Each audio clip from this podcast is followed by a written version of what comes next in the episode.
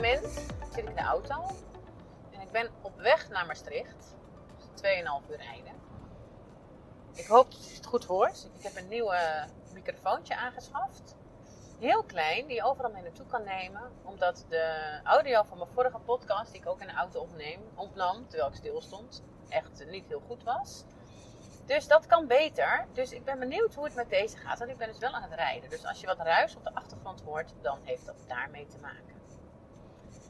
En de podcast van deze week, die gaat over de dag van vandaag. Namelijk het feit dat ik naar Maastricht ga en waar ik heen ga. Dat dat best wel bijzonder is. En ik dacht, het is een leuke aanleiding om met jou de belangrijkste lessen te delen die ik tijdens mijn studie, want ik heb in Maastricht gestudeerd aan de Hooghotelschool. En ik ben nu ook op weg naar de Hooghotelschool. Wat de cirkel super mooi rond maakt, omdat ik daar nu niet als student kom, maar de Hooghotelschool. En daarbij nog twee andere internationale uh, universiteiten uh, klant van me zijn. Dat ik met je ga delen welke belangrijkste lessen ik tijdens mijn studententijd in Maastricht heb geleerd, die ik nog dagelijks toepas en die super relevant waren en blijven. Waarschijnlijk ook echt onderdeel zijn van het fundament van mijn beliefs en van de manier waarop ik uh, werk, van de, het werk dat ik überhaupt doe, dat die daar onder andere ontstaan zijn. En het is gelijk voor jou ook een uitnodiging om te kijken, want dat is ook wat met positionering en met je missie en met je verhaal. Ik hoor heel vaak van ondernemers die, willen, die bij mij komen, die zijn op zoek naar hun verhaal. Wat is nou mijn verhaal waardoor uh, klanten uh, snappen wie ik ben, wat ik doe en waarom ze bij mij moeten zijn en wat mij onderscheidend maakt? Dat verhaal is niet iets wat je bedenkt. Dat verhaal is iets wat er al is je moet er alleen naar op zoek gaan en weten welke elementen van jou in jouw leven en welke belevenissen en gebeurtenissen in jouw leven je gebracht hebben tot waar je nu bent. Wat daarmee automatisch je verhaal vormt. Omdat dat de elementen zijn die voor jou in jouw business en de manier waarop jij klanten helpt super belangrijk zijn. Nou, het, ten eerste is het natuurlijk helemaal fantastisch, vind ik het, dat ik dus nu naar Maastricht ga. En dat de hotelschool uh, nu een klant van mij is. En mij vraagt om hen te helpen met datgene wat ik in eerste instantie daar geleerd heb. Zo grappig, als je erover nadenkt. Nou, wat heb ik als ik het nu, natuurlijk heb ik daar heel veel dingen geleerd. De grap is ook dat ik heb daar heel veel dingen geleerd die niet uh, gedoseerd zijn in de schoolbanken. Eigenlijk het meeste is niet op school zelf geleerd, maar meer door het studeren. En dat wil ik niet, ik ook, want dat kan ik nog steeds niet. Wat op zich best opvallend is als je hotels hebt gedaan. Er zijn wel een aantal dingen die ik wel heel goed kan. Ik kan heel goed professioneel snijden een keer story over gemaakt. Oh, dat is echt heel grappig om te zien ook. Omdat het voor de rest zo niet past bij mijn niet-huisvrouw uh, ambities. Uh, maar goed, dat terzijde. Dus uh, wat er in me opkomt, wat in ieder geval heel duidelijk was, is de hotelschool is een brede managementopleiding, specifiek gericht binnen de hotellerie. Maar in principe de vakken die je kreeg, en waarschijnlijk nog steeds krijgt, die ehm, zijn algemeen voor een managementopleiding. Dus dat gaat over bedrijfseconomie, marketing, communicatie, je talen. Uh, wat hadden we nog meer? Nou ja, er waren natuurlijk ook wat specifieke vakken, zoals voedingsleer en uh, wijn, kennis. Was ik overigens heel slecht in, want ik vond allebei maar lekker. En uh, nou, dus zo, dat is een algemene managementopleiding en je wordt opgeleid om leiding te geven en de leider van een organisatie, in dit geval een hotel, te zijn. En dat is al een van de dingen die daar super scherp werden neergezet. En die eigenlijk ook heel goed zijn als het gaat over een belofte en een focus in hetgene wat jij levert als resultaat aan jouw klant. In dit geval zijn dat, waren wij dat natuurlijk, de studenten. En wat van begin af aan heel duidelijk erin, tussen aanhalingstekens, geramd werd, is de eerste dag dat wij daar zaten, echt nog super jong natuurlijk. Ik was net iets ouder, want ik had iets langer over mijn VWO gedaan. Um, was dat je allemaal opgeleid werd tot general manager van een hotel. Wat heel grappig is, omdat een zeer klein percentage dat ook daadwerkelijk wordt. Om dat te hebben, moest je een bepaalde houding hebben. En dat is wat ze natuurlijk heel goed neerzetten. Ze zetten je gelijk neer als de general manager. Waardoor je een bepaalde rol gaat pakken, een leiderschapsrol. Want dat is wat van je verwacht wordt. Ten tweede, wat heel duidelijk was, wat ook gedurende de hele studie uh, naar voren kwam, en die heb ik ook altijd onthouden. En vertel ik ook altijd aan mijn klanten en adviseer ik mijn klanten ook. Ik geloof namelijk heel. Nou, is de hotelschool natuurlijk een hele generalistische opleiding, generalistische managementopleiding. Uh, dan wel gespecialiseerd op horeca, maar goed, je kan het zo plakken op een andere branche. Uh, qua vakken dan, hè. Voor de rest is het echt een, uh, ja, een, het is echt een school apart. Het is niet te vergelijken met een, al, ja, een, een generieke HBO in een andere stad waar meerdere opleidingen onder zitten. Het is echt een prestigeschool ook wel. En ik voelde altijd wel al, het was wel heel prestige, maar ik vind het heel fijn om uh, niet de massa te volgen. En dit was iets waar niet iedereen op mocht komen. Er was een strenge selectie. En ik hou ervan om daar dan te winnen. En om een van de happy few te zijn. Uh, dus dat leert je natuurlijk ook veel over jezelf. Maar wat ze daar heel erg duidelijk maakten, ook in de manier uh, van lesgeven en de dingen die je moest doen, is dat als jij een goede leider wil zijn, moet je weten en voelen. Het gaat eigenlijk heel erg over klantgerichtheid. Ook als het je interne klant is, namelijk je medewerkers. Want die zijn in zekere zin ook een klant van jou. Moet je ook meekrijgen.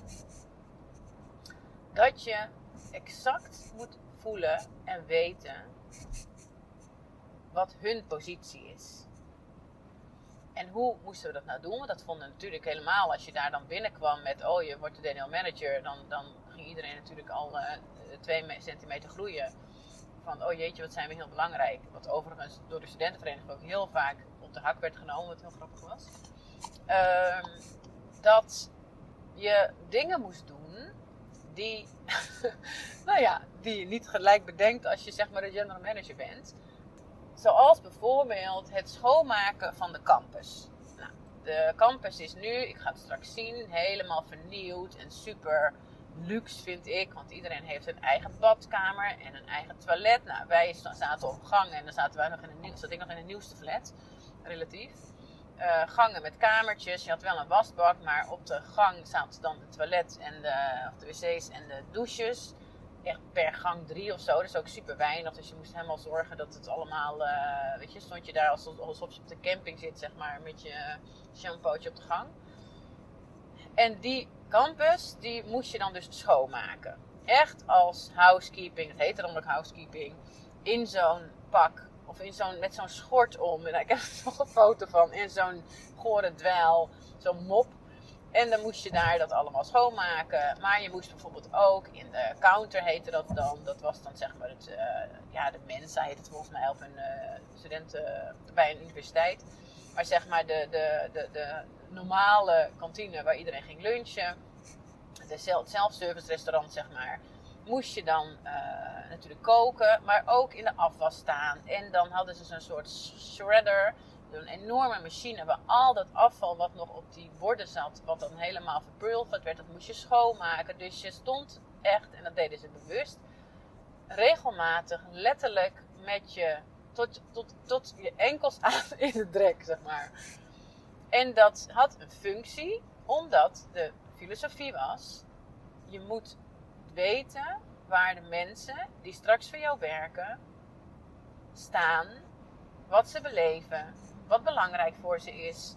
en wat het is om hen te zijn.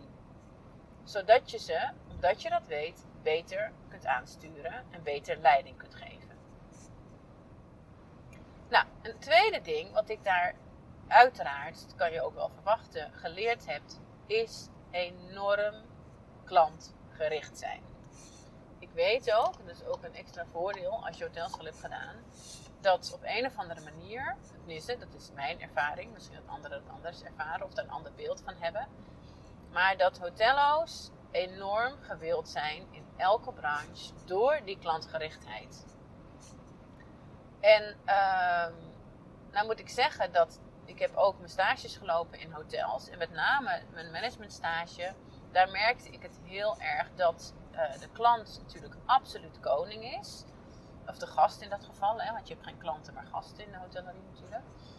En uh, maar dat dat, dat, dat, dat op die manier, uh, zoals dat daar ging, want er zit ook autoriteit, het is ook best nog wel een autoritaire, uh, in ieder geval toen, in mijn tijd zeg maar, een autoritaire branche, heel hiërarchisch. Uh, dat paste dan niet bij mij. Ehm, waardoor het soms een beetje onderdanig kon voelen. En dat was nou, ja, dat is ook een reden dat ik niet in de hotellerie gebleven ben, omdat dat gewoon compleet niet past bij wie ik ben. Ehm, maar dat klantgerichte is iets wat zo duidelijk was, eigenlijk een enorme basisfactor. De hygiënefactor. Waarbij je nu en daarna, en waarschijnlijk ook in de toekomst, heel veel organisaties hebt die klantgerichtheid als, ehm, ja, als belangrijk aandachtspunt hebben binnen hun organisatie. Waarbij het in mijn DNA, wat daar zeg maar deels gevormd is, een hygiënefactor is. Het is niet de plus, het is de basis. En um, dat is daarna, toen ik klaar was met de hotelschool, ook altijd voor mij heel duidelijk de focus gehad. Altijd denken vanuit de klant. Juist op marketing was dat, werd dat altijd heel erg gewaardeerd. Omdat ik dus altijd hele goede vrienden was met sales omdat alles wat ik deed in het, in het teken stond van, het, uh, van die klant, waardoor het voor sales makkelijker was om uh, een deal te sluiten. Dus de klant altijd centraal zetten, altijd denken vanuit de klant. En dat zit bij mij zo, zo duidelijk in dat ook als ik mijn klanten op dit moment coach, ik, ik hang net op met een van mijn klanten die uh, bezig zijn met nou, met een project waarbij er nieuwe websites gemaakt moeten worden. Eigenlijk moet de hele communicatiestrategie aangepast worden. Omdat zij heel erg denken vanuit wat zij willen vertellen. En niet vanuit de behoeften van de klant. En dat is uh, een valkuil voor heel veel organisaties. En voor mij zo duidelijk om te zien. Omdat dat er gewoon daar echt in gesleten is. En wat ik me ook herinner, nou eigenlijk is sowieso wat ik daar, uh, wat ik heb overgehouden aan mijn tijd op de hotelschool, is überhaupt mijn liefde voor het vak, zeg maar, voor het marketing communicatievak. Omdat, uh, um, ja, als student ben je natuurlijk nog helemaal niet zo heel erg goed over aan nadenken wat je allemaal wil worden en hoe het allemaal gaat. En uh, dan ben je vooral lekker aan het studeren. En dan is vooral alles wat er buiten de studie omgaan nog drie keer of honderd keer belangrijker dan wat er in de school gebeurt. Dus daar was ik toen niet mee bezig. Maar er was wel een signaal voor mij dat ik denk: hé, hey, hier gebeurt iets.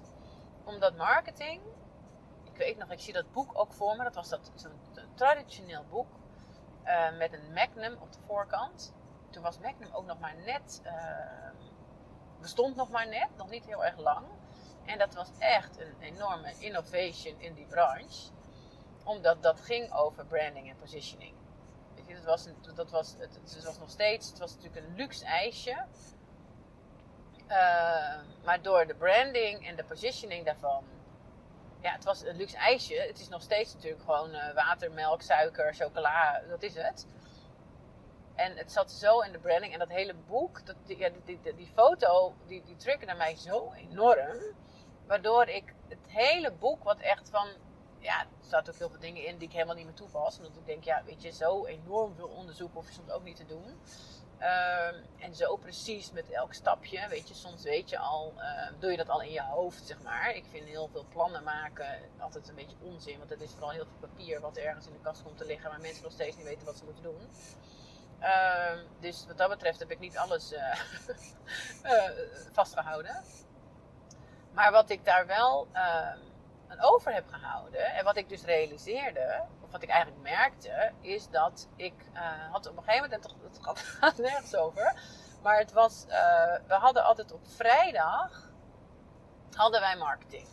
En op donderdag was de baravond. En uh, volgens mij hadden we studieweken, dus dat, of tentamenweken, dus dat je in één week alle tentamens had. Het was in ieder geval zo dat die, die marketing tentamens, of ja, volgens mij waren het tentamens, altijd op vrijdag waren. Vaak was dat dan aan het eind dus ook van zo'n week. Dus dan begin je uh, enthousiast met studeren. En op de, de, de, vakken van maandag en dinsdag die zitten er nog redelijk in. Maar daarna komt natuurlijk het een beetje in. Omdat je het ook niet goed plant. En daarnaast ook nog heel veel andere leuke dingen hebt. En niet elke jaarlaag in dezelfde periode die toetsweken had. Of die proefwerkweken. En nu wordt het tentamenweken. Ik zeg telkens de verkeerde woorden. Omdat mijn kind die zit op de middelbare school. Dus heet het toetsweken. Maar goed. Um, met het gevolg dat er op donderdag heel vaak voor die nou, examens of die tentamens van marketing altijd een baravond was. En ik het ook wel hartstikke leuk vond hoor, allemaal. Maar het was geen optie om die baravond te missen. Met het gevolg dat mijn marketing nooit heel goed door mij bestudeerd was.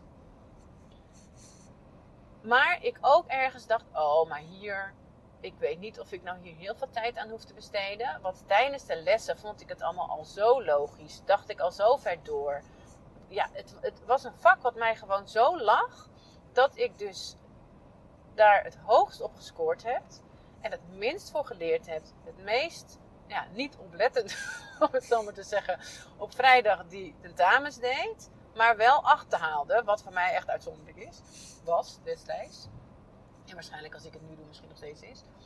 Ehm, dus het was een vak wat ik zonder bij na te denken, zonder te hoeven leren, zonder uh, extra aandacht aan te besteden, gewoon vanuit, van nature uit super goed kon.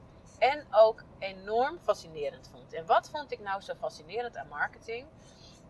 Wat ook de reden is dat ik hier nog steeds uh, enorm uh, blij van word en veel passie voor heb, is dat het. En dat, dat begon met die Magnum. Maar toen ik hem zag, voelde ik dat al helemaal door, hoe, hoe ook nog niet uh, opengeslagen. Is dat marketing is natuurlijk psychologie. En ik vind psychologie heel erg leuk. Vond ik toen al leuk, vond ik vroeger al leuk. En vind ik nog steeds heel erg leuk. Het gaat over het. Dat heb ik later pas echt geleerd, hè, wat dan positionering is. En dat dat het innemen van een specifieke, relevante en onderscheidende positie is in het hoofd van mensen. Dat het over associaties gaat. Dat het over uh, het bouwen van die associaties in iemands hoofd gaat. Waardoor je een bepaalde reputatie hebt. En mensen direct zonder woorden voelen wie je bent, waar je voor gaat. En of jij een merk bent wat past bij wie zij zijn. Dat heb ik later allemaal in woorden geleerd. Maar door te kijken naar dat boek en door daar gewoon. Uh, en door, door die Magnum te zien ja, doorzag ik dat gelijk van, oh, dit is waar het over gaat. Het gaat over psychologie. Nou, en, en, dus daar is de liefde van marketing voor mij ontstaan. Het tweede punt was dus, eigenlijk het punt hiervoor, het enorme klantgericht zijn. En wat ik me ook nog levendig kan voorstellen, is de uh, lessen, dat heette geloof ik, nou, hoe heet dat nou, bedrijfscommunicatie of zo? geloof dat het bedrijfscommunicatie was. En dat ging dus letterlijk over het schrijven. En ik ben een schrijver. Ik was toen al een schrijver. Dus als we hadden dan een soort je dat, verenigingsblad. En dan vanuit de jaarclub schreef ik altijd alle stukjes. Omdat ik toen al merkte van ja, maar dat, ten eerste vond ik de stukjes van de anderen eigenlijk niet goed en leuk genoeg. Uh, dus ik was nogal kritisch daarop en dacht al heel snel, dat is ook heel lang mijn al geweest en nog steeds kan het zijn. Ik kan het beter zelf doen. Um, dus dat deed ik ook. En iedereen vond het natuurlijk, de helft natuurlijk al helemaal prima, want die had er helemaal een trek in. En de andere helft dacht, ja, maar dat is ook leuk, want de stukjes zijn ook grappig. Dus communicatie lag me al.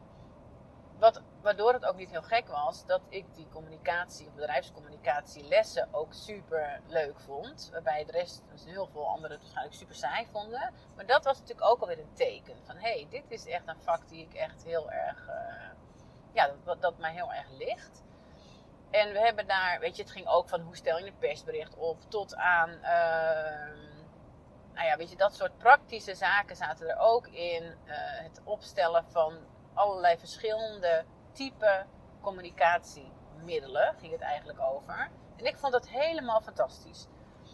En de belangrijkste boodschap die ik daar heb geleerd, en dat was denk ik maar één les eigenlijk, uh, maar die heb ik altijd onthouden, altijd in mijn achterhoofd gehouden, vertel ik nog altijd in mijn klanten, is communicatie wat we, weet je, wat je zoveel om je heen ziet. Communicatie gaat niet over de zender. Communicatie gaat over de ontvanger. Als jij wilt communiceren, of het nou op schrift is, in woord, op je website, ga niet schrijven over wat jij wil zeggen. Weet wat de ander wil horen en ga daarop schrijven. En natuurlijk is het niet zo dat je, want dat zie je ook wel veel als je dat nu gaat vertalen naar de praktijk van nu en naar het schrijven van salespages of van um, blogs of van posts of van nou, welke communicatie dan ook, dat je iemand naar de mond gaat praten. Weet je, dat je alleen maar, want dat zie je natuurlijk ook heel veel, dat je alleen maar gaat noemen wat de ander wil horen. Want daarmee, dat, dat is wel een onderdeel, maar de manier waarop je dat doet, moet wel eigen zijn. Want anders ga je letterlijk zeggen, als een ander dat ook doet, die een beetje in jouw branche en doet wat jij doet, dan ga je letterlijk hetzelfde zeggen. En dan denkt zo'n klant nog steeds, oké, maar bij wie moet ik nou zijn? Want wat is nou precies het verschil? Want jullie zeggen precies uh, wat ik wil horen. Ja, dat is natuurlijk niet genoeg. Maar het uitgangspunt moet wel zijn, weet wat de ander wil horen, omdat dat bepaalt wat jij moet zeggen. Dus dus wat anders dan zeggen wat de ander wil horen, maar weten wat ze willen horen en dan zelf bepalen wat hebben ze nodig om te horen wat jij wil zeggen. Nou, nou zit ik te denken, wat is nog meer iets wat ik daar enorm geleerd heb? Oh ja, wat ook wel grappig is. Wat er ook enorm speelde, dat was niet op school, maar dat was eigenlijk buitenschool. Maar dat, wat daar wel heel duidelijk was, is het was echt een eiland. Zo werd het ook gezien. Zo wordt het denk ik nog steeds gezien in Maastricht. De hotelschool is echt het eiland. Uh, het staat apart van de andere opleidingen en universiteiten, HBO-opleidingen, de Hogeschool Zuid in Maastricht. Het is nu wel onderdeel daarvan trouwens, maar dat is meer organisatorisch dan dat dat gevoelsmatig zo is voor de studenten. En denk ook voor de docenten eerlijk gezegd. Weet ik niet precies, dat ga ik misschien straks ontdekken. En uh, het was een enorm eiland. Het was een community. Nog steeds. Het is super. Ja, het is. Als je het hebt over branding. Is een hotelschool. Eigenlijk allemaal wel. Eh, Den Haag ook. Leeuwarden heb ik er iets minder goed beeld bij. Dus die hebben die. Dus die doen het dan denk ik eigenlijk toch wat minder goed. Die zijn ook onderdeel van een hogeschool. Fysiek ook. Dus ik denk dat het daar ook heel erg sterk mee te maken heeft. Maar zowel Maastricht als uh, Den Haag zijn, als het gaat over positionering, deden die dat toen al heel erg goed. Want toen ik daarheen, voordat ik daarheen ging, uh, je komt er sowieso al niet zomaar op.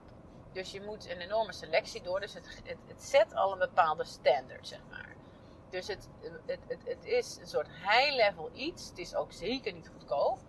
Um, het is ook dus daarom, dat is niet helemaal waar. Want er zaten ook wel mensen die uh, van huis uit helemaal geen geld hebben. Er zijn trouwens ook heel veel mensen die enorm veel geld hadden. Daar hoorden wij nog niet bij. Maar uh, er waren ook mensen die het van huis uit echt gewoon, ja, die daar echt wel een studielening voor moesten afsluiten. Wat toen nog heel anders werkte dan nu. Maar ehm, super goed in positioneren. Omdat je wat je tijdens die selectieprocedure, dat was wel een voordeel van de selectieprocedure, omdat je daardoor als student uh, natuurlijk de school ging kijken of jij geschikt was, maar jij ook zelf heel goed kon kijken of zij geschikt waren voor jou. En uh, dat zat hem niet in de inhoud. Dus dat zat niet in de vakken die je kreeg, de, de, de stages die je wel of niet ging doen, de manier waarop ze het deden. Uh, want dat was eigenlijk allemaal gelijk. En als ik heel eerlijk ben, ik heb echt geen idee of dat nou wel of niet gelijk was. Omdat dat is dus iets waar je helemaal niet naar keek. Ik denk dat het wel redelijk gelijk is hoor. Maar het feit dat ik er al niet naar keek, is uh, tekenend natuurlijk. Kan ook met je leeftijd te maken hebben op dat moment. Maar ik denk dat, en dat weet ik ook wel uit ervaring en uit de, uh, de statistieken van uh, onderzoek en dergelijke, dat mensen, en in dit geval ik als student of als bijna student, volledig niet keek naar het aanbod, het letterlijke aanbod. Ik keek puur welke school past beter bij mij. En nou uh, zei ik net al, ik had acht jaar VWO gedaan. Dus uh, na zeven jaar VWO, het eerste jaar was het wel een soort van duidelijk. Of was ik nou, als ik even te denken hoor. Nou, ik weet het niet eens meer. Maar in ieder geval de eerste ronde, dus, dus jaar één was ik volgens mij naar uh, Leeuwarden gegaan en naar Den Haag, denk ik. En toen was ik bij Leeuwarden aangenomen, Den Haag niet. Ja, zo was het. Alleen, nou ja, toen, hmm, ja, ik wilde eigenlijk helemaal niet naar Leeuwarden. Maar ik ging er wel heen, omdat ik dacht van, ja, weet je, je moet het toch allemaal gezien hebben. Maar ik was daar wel aangenomen, maar gelukkig, het heeft zo moeten zijn. ik uh, zakte van mijn examen. Dus het ging niet door. Nou, toen ben ik het jaar erop ben ik naar uh, Den Haag en Maastricht gegaan ja, en het was eigenlijk al dat eerste jaar duidelijk uh, toen ik niet was aangenomen in Den Haag. Het tweede jaar was ik overigens wel aangenomen, wat ook nog grappig is, want zo enorm veranderd was ik volgens mij ook niet. Um, en dat zat niet in de, want je moest er nog intelligentietesten en zo doen. Daar zat het niet in. Het zat met name in de gesprekken die je had. En um, toen, ik, toen ben ik dus zowel in Den Haag als in Maastricht aangenomen. En toen was de keuze dus aan mij. Van voor welke ga ik? En ik ging overduidelijk voor Maastricht. En dat zat volledig in het hele kloppende verhaal van gastronomie in Maastricht, het kasteel, de, de studenten, de, de, de benadering van de studenten daar was zo anders dan in Den Haag. Uh, Den Haag was, had een imago wat iets, ja, wat iets meer kak was nog iets meer uit de hoogte dan in Maastricht.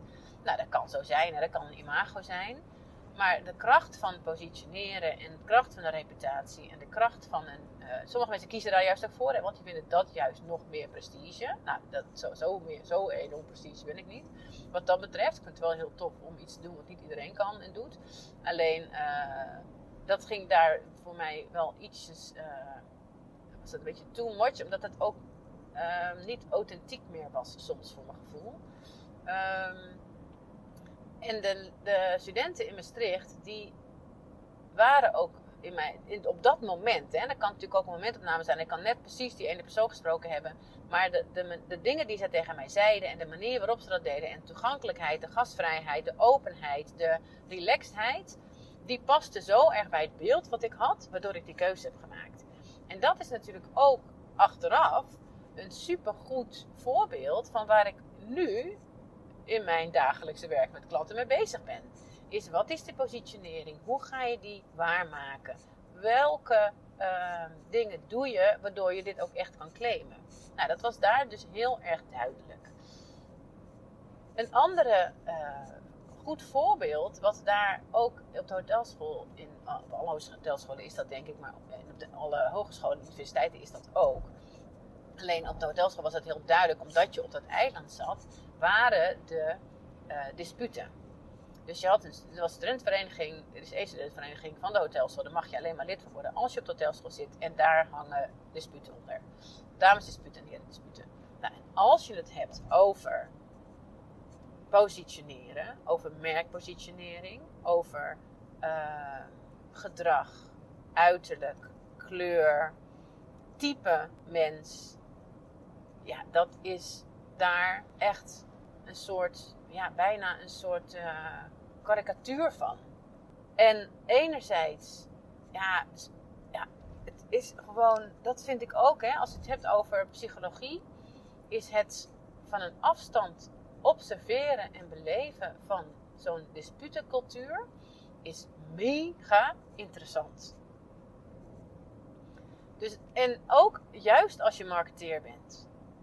Omdat het gaat over groepen. Over waar staat elke groep voor. Het, gaat, het zijn allemaal studenten. Het is één hotelschool. Met één relatief homogene groep. Want ze nemen toch redelijk homogeen aan door die selectieprocedure. Dus je zou denken, het is een homogene groep. Maar binnen die homogene groep zijn ze in staat, of zijn die disputen heel goed in staat, om zichzelf zo specifiek te profileren en te positioneren, dat voor henzelf heel duidelijk is binnen deze homogene groep welke mensen willen wij er wel en niet bij hebben. En het ook heel duidelijk is voor de mensen in die homogene groep om te voelen, bij die pas ik wel en bij die pas ik niet. Of ik pas überhaupt niet. En wat er allemaal, ja, psychologisch is dat ook allemaal. Weet je, het gaat ook over uh, de kracht van ergens bij horen. En wat mensen daarvoor over hebben. En hoe mensen bereid zijn om hun groep te beschermen en uh, te voorkomen dat daar iemand bij komt die afbreuk doet aan het algemene beeld van de groep. En dat in de praktijk, het klinkt allemaal heel eh, filosofisch, was dat zo dat je A-tijd moest lopen. En dat je echt de voetveeg was. En dat je er tegen moest kunnen. En dat ze je normen bij wilde, wilde leren. En waarden bij wilde leren. Ook voor de studentenvereniging zelf overigens. Uh, weet je, dat zijn natuurlijk de intro-weken. Uh, een mooi woord voor ontgroening. Wat ik overigens echt fantastisch vond. Omdat als je maar ziet wat er aan de hand is. En het niet te serieus neemt ja, dan is het, weet je, die introweek was voor mij echt, ja, ik heb daar echt enorm veel gelachen, wat eigenlijk niet mocht. Maar en sommige mensen vonden het vreselijk, anderen vonden het ook fantastisch. Uh, maar de mensen die het vreselijk vonden, die, uh, ja, ik denk dat die niet doorzagen welk, ja, wat er gebeurde, wat er, welk spelletje er gespeeld werd. En als je snapt dat het een spelletje is en dat het ook uh, gaat over psychologische en sociologische patronen die daar spelen, ja, dan is het, dan, weet je, is het gewoon een super interessant experiment om, om mee te doen, überhaupt al. Dus, um, en dat zijn allemaal dingen die toen gebeurden, maar die me nu zoveel helpen, omdat ik me nu realiseer dat ik dat toen al in de gaten had, maar er nog geen woorden aan kon geven. Dus um, dat heb ik daar ook geleerd. En daar. Uh, en die dispuutcultuur en eigenlijk ook studentenverenigingcultuur is zo'n bewijs van de kracht van positioneren, waarbij je daar dus heel ver kan gaan. En ook uh, negatief kan zijn, omdat het ook heel uh, lastig is op zo'n klein oppervlakte voor mensen die zich wel identificeren met een groep, maar er volgens de groep niet bij passen.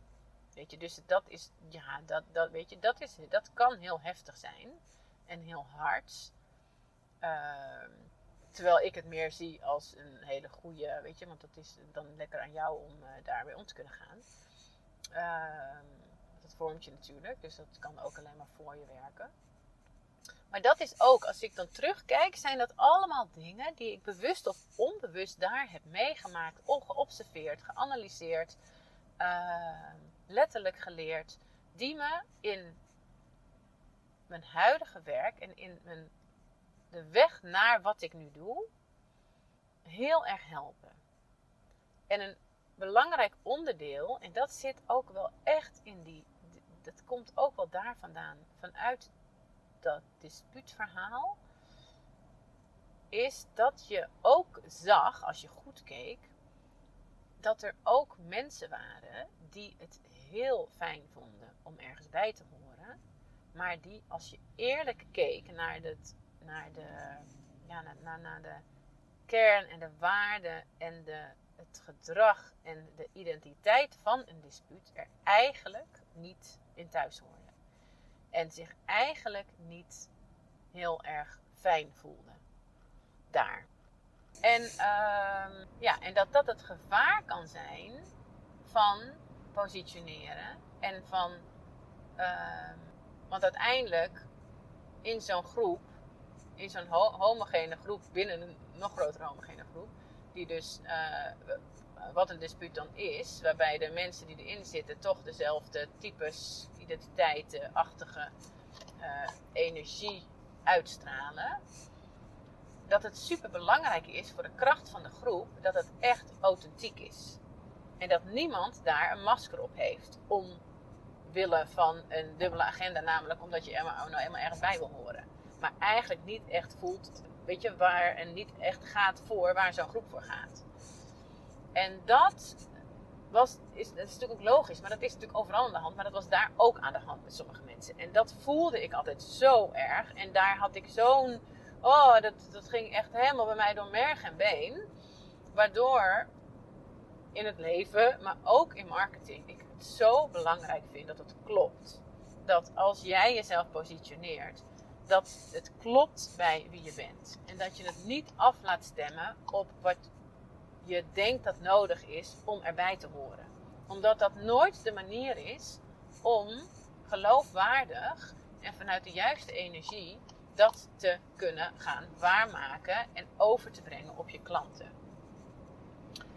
Dus nou, ik denk, ik ben nu, uh, nou, waar ben ik eigenlijk? Kan niet eens zien. Ik ben nu denk ik ergens bij Roermond of zo.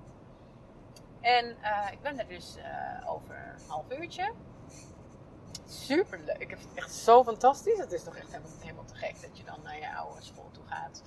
En daar lekker ze gaat helpen met wat ze jou geleerd hebben en wat jij daardoor verder hebt gebracht. Echt helemaal fantastisch. Goed, dat heb ik net ook al gezegd.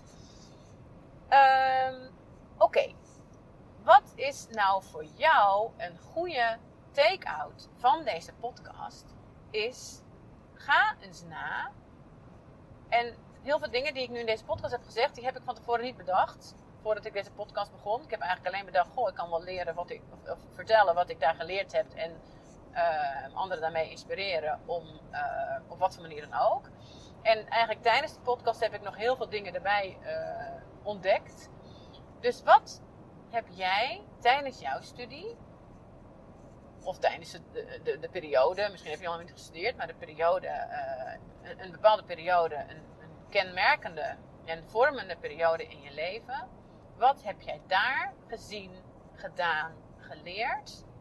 Wat nog steeds super aanwezig en relevant is voor de manier waarop jij nu je business runt en waarop jij nu de klanten helpt. Omdat vaak als je op zoek bent naar wat is nou mijn verhaal, waar mag ik de nadruk op leggen, zijn dat elementen die daar naar boven komen. Want je verhaal is niet iets wat je verzint, het is iets wat er al is. Je moet alleen datgene naar boven halen. Dus ik ben super benieuwd waar, als jij eens een keer daarop gaat journalen voor jezelf, of over na denken, of journal is ook zo'n modewoord. Dus dat hoeft helemaal niet zo per se te gaan met een boekje en zo. Maar als jij dat eens een keer een revue laat passeren, waar, um, wat, wat, wat ontdek je dan over jezelf? Want dit soort dingen doe ik ook in mijn gesprekken met klanten als het gaat over missie. En over wat, wat is echt de kern van jouw verhaal. Dan gaat het over dit soort zaken. En niet zo diep specifiek op zijn opleiding. Maar wel over de, de, de, de, de, de milestones, de belangrijkste lessen van die persoon in zijn eigen en werkende leven. Dus nou, ik ben super benieuwd wat er bij jou naar boven komt. Deel vooral wat je ontdekt hebt. Uh, je kunt me vinden op Instagram, Justine van der Velde. Je ziet dat in de show notes. En heb jij specifiek behoefte aan coaching en ondersteuning met het in de markt zetten van jouw idee, van jouw business, het vergroten van jouw uh, klanten, omzet, het verbeteren van je sales, het verbeteren van je marketing en op die manier je bedrijf te laten groeien, je omzet te laten groeien, je droom te laten groeien boek dan een call met me in. Dan kijken we hoe ik jou daarmee kan helpen. Uh, er begint over een uh, aantal maanden, zal in, in, het najaar begint dat. Zal, uh, dus ik weet niet precies wanneer je deze luistert. Maar starten we met een jaartraject voor een groep ondernemers. Waarin we hele toffe dingen gaan doen. En we dit met elkaar uh, thuis gaan brengen. Waardoor jij echt stappen gaat zetten in je business.